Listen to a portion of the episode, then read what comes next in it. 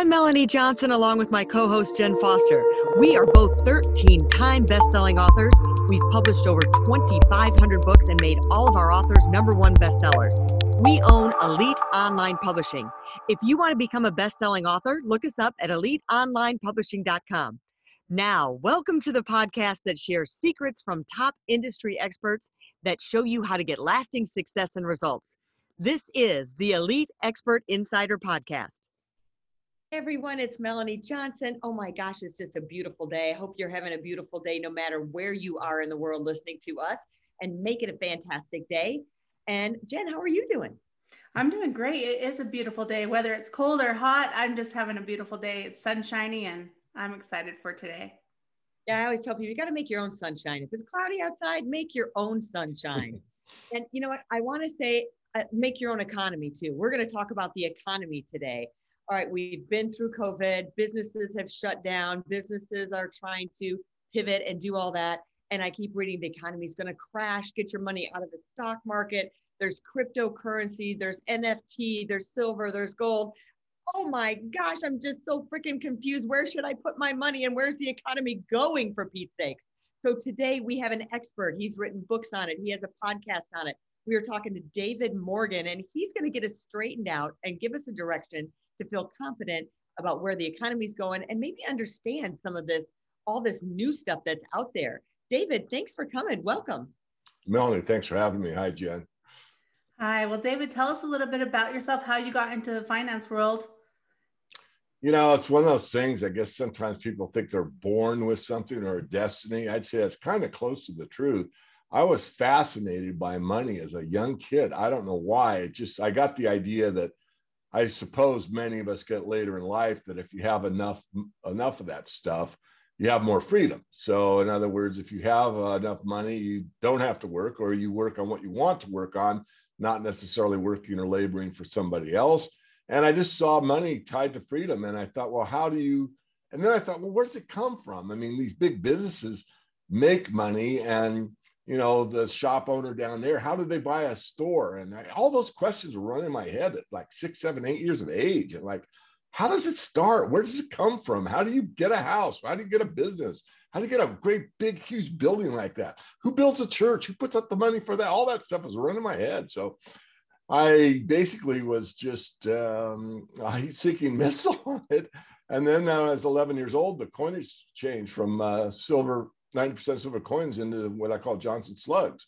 And that kind of set me back for a bit and said, geez, that's really interesting. These can't be worth the same, but none of the adults seem to be taking any notice of it.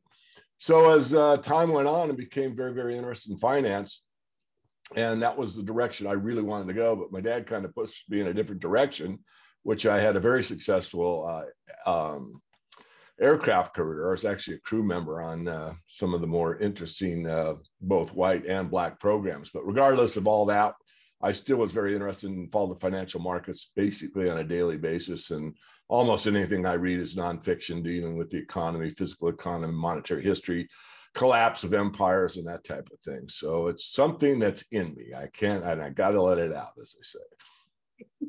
Well, speaking of history, you know, history has a way of repeating itself and they say if you studied economic history that you're going to see trends. You're going to see uh, typically every what is it like seven years i think it is that the economy hits a dip or after it's come up. So what do you think? Where are we? I mean we've had a crisis. We were just watching something uh, on tv they were showing the polio epidemic when we had polio. And so the country and the world has had these things before. Where do you see us going um, as a country and the world in the economy over the next 12 to 18 months well, at the risk of never being invited back on the show, you're right. There are cycles, and there's cycles within cycles, and there's like short-term cycles, mid-term cycles, long-term cycles, and super cycles. And for my study, we're in like a super cycle. We are at an event that only occurs about once every 350 years. And during that event, we have a major reset in the whole financial slash money system. And I really think that's where we are. There's never been a case of study through all of recorded history where a fiat currency hasn't failed. But we've never had the amount of tie to one currency worldwide with the population we have that we now see. So we've got basically over 7 billion people on the planet that are more or less tied to the US dollar. So as the dollar goes, so goes humanity in a way, as a metaphor. There's a difference between the financial economy, what you see on the stock exchanges, what you see in the bond market, and the physical economy. There used to be a pretty good correspondence. If you saw a strong stock market, it really indicated a strong physical economy. That's not true anymore. So I don't see the end of the world. I don't see everything going away. I don't see everything burning to the ground. I don't see any of that stuff. What happens in a financial reset is the ownership changes. People that are over leveraged in debt that can't pay it have to mark down to the market price what that mm-hmm. apartment building is, what that auto dealership is, what that grocery store is, what that wheat field is, and that type of thing. So during the reset, we'll see a huge change of ownership, and we'll probably also see a new system. And the banks are very clear what they want is a central bank digital currency. It's not a DeFi, decentralized finance. It's more centralized finance. So there's kind of this war going on right now and this happens at the end of all great inflations where people seek things like NFT or crypto or, or silver and gold or anything that's outside of the mainstream because of the mainstream is failing them and they know it's failing them. So there's this big push into Bitcoin or some alternative asset that they believe is scarce and will preserve their wealth as the system works through and dies off the old system and a new one arises. Mean, do you really believe that um, something could happen to the dollar since everything is so tied to that? I mean, it's worldwide currency that the dollar could go away and something else could take its place, whether it's crypto or. Yeah, I do. I mean, you know, if you look at history, the 1913 dollars is worth 100 cents, and if you ask the uh, Federal Reserve Board, which I think is a .gov address, but regardless, they'll tell you that that 1913 dollars worth two and a half cents. So if your son came back in the sixth grade and there was a, you know, quiz was, you know, out of 100 and you got a, you know, 2.5 out of 100, you'd probably say it was a miserable failure. And that's yeah. where the dollar is when their mandate is to provide, you know, uh, a stable monetary system. I mean, that's their mandate. And so they've got a 98% failure. It's certainly anything but. So we're really arguing about, well, would the last two and a half cents be there or not? And the answer is probably at least half of it. But you know, all these currencies that fail doesn't mean absolute zero, and that's where I have a hard time conveying what I really mean because people hear the words and they think it means it's absolutely worthless. No, there's a reset before it's absolutely worthless. And to repeat myself slightly, that's why you see all these alternatives coming up. A Bitcoin isn't a dollar, silver coin isn't a dollar, but they're stores of wealth. They're scarce, they're valuable, and they've traded in the case of the metals for a very long time. So does is that a dollar? No. But could it be exchanged for a dollar? Yes. It could be exchanged for a quote unquote dollar at any time. So, but yeah, the reset I do think will happen. And will the dollar go away? I would say no, not exactly. It will be digitized, put in a new format, tied to a new system. So, is it going to disappear? No, but it will be revalued and uh, moved into, a, let's say, a different platform. And in some cases, it'll be transparent. I mean, you might go from a dollar to a Fed coin. The exchange could be one to one. And for most of the, excuse my arrogance, but the sleepy populace, as long as their debit card works, they really don't notice much difference. Yeah, I think it's interesting what you're saying. And I think like you said, if people that don't really know what's going on will just continue thinking the way they think, but they have to realize that there's other eggs, there's other baskets, and you can invest in these. So, you know, tell us a little bit about, you know, where where things are going and what people should should we be buying up silver? Should we be buying up sold gold? Should we be looking at all the different cryptocurrencies, specific a particular one?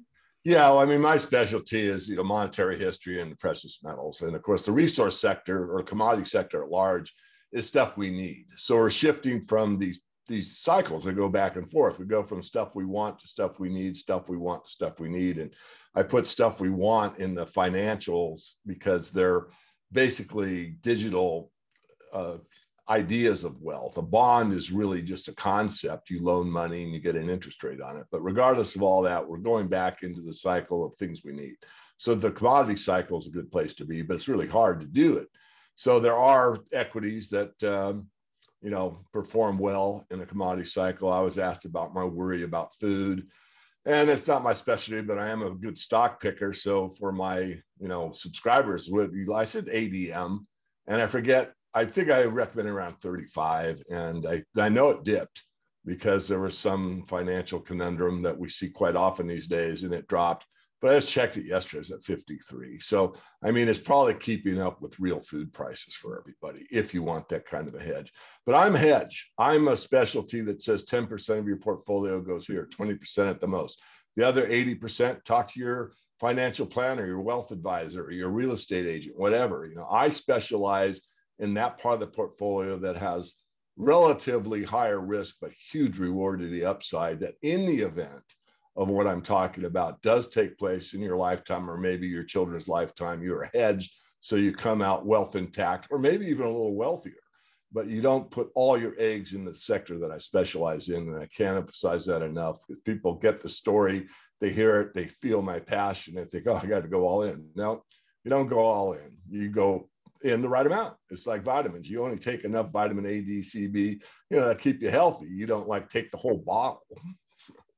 All right. So hedge means uh, let's go through things. Cannabis.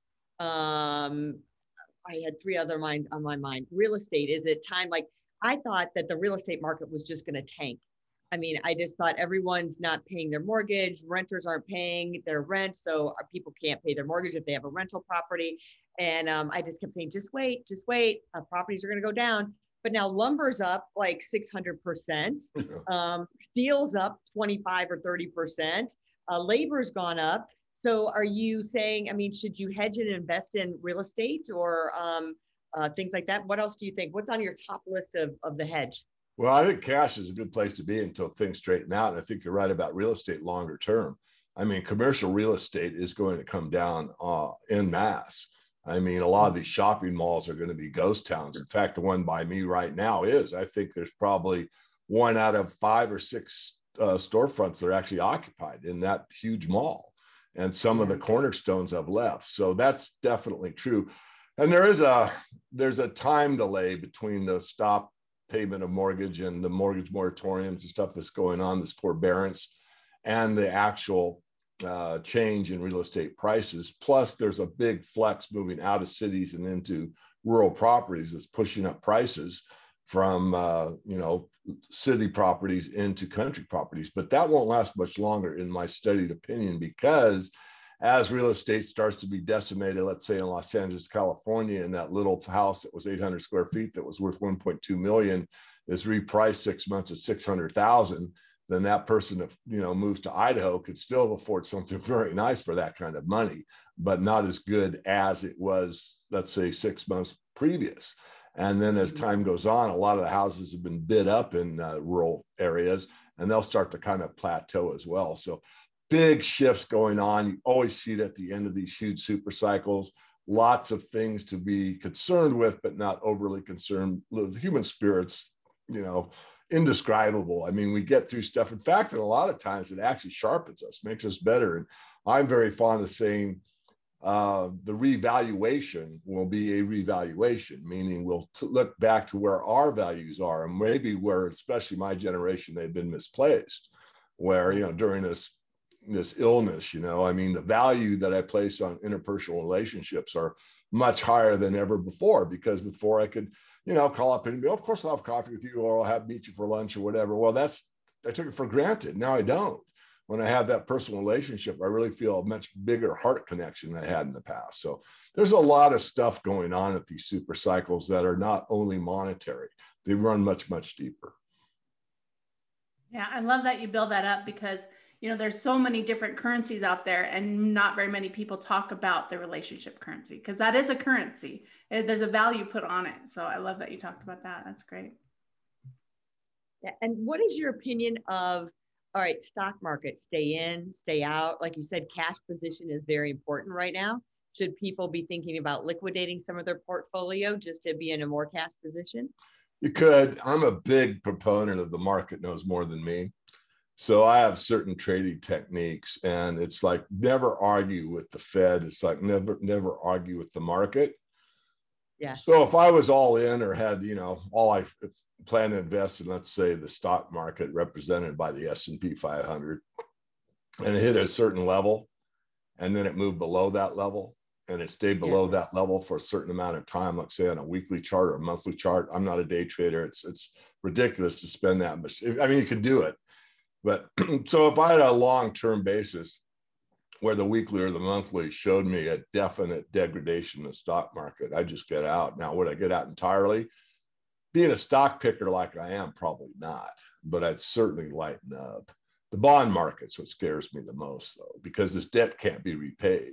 So people really don't. I, I know the bond traders are usually the smartest guys there are, but it's all electronic now. I'm not sure all the bond traders now are, are that smart. Just, and that's my take, my opinion, because most of it is algorithms competing against each other for a yield. And they don't, they know that these bonds are long term worth less which means interest rates are going to be forced higher, even as much as the Fed likes to control the interest rates and the money center banks that issue them like to control them. The market has more power than they do. So we are going to see interest rates come up, and it depends how high they are, they move to how much the bond prices decrease in value. So it's sort of a, it's a it's actually a balancing mechanism. It's really designed that way. And so I am concerned about the debt markets a great deal. We can't pay it back. Nobody in the world can. Something's got to give. What do we do? How do you get out of it? Do you hyperinflate it away where the currency becomes worthless? If that's the case, then why would you own a two year note or a seven year or a 10 year or even a 30 year? If you don't want a dollar today, why would you want one seven years from now? So there's a lot going on in the in the bond market that does concern me and always has. In fact, the last page of the Silver Manifesto, the back cover, I should say, not last page, the back cover, talks about the debt bomb. I mean, I could have talked about silver, but I chose to talk about the debt because that's far more important to everybody's financial well-being than, than the silver market is. Great information. So that was awesome tell us where we can find you and get more information. Yeah, I have an opt in free newsletter. I do podcasts every week by myself, and I have guests on my podcast from time to time as well. I'll take questions. So just go to themorganreport.com and sign up for the free letter. That's themorganreport.com. Sign up for the free newsletter. And if you want to keep your anonymity, go ahead. Just pull down the blog uh, feature on the on the main page, and all the stuff I do is pretty much on the blog, and all the social media is at the very top. Twitter feed, YouTube feed, Facebook, LinkedIn, everything that I have is up at the top of the blog page. Awesome. We'll put that link up at the bottom of the YouTube video and in the show notes for those who are listening.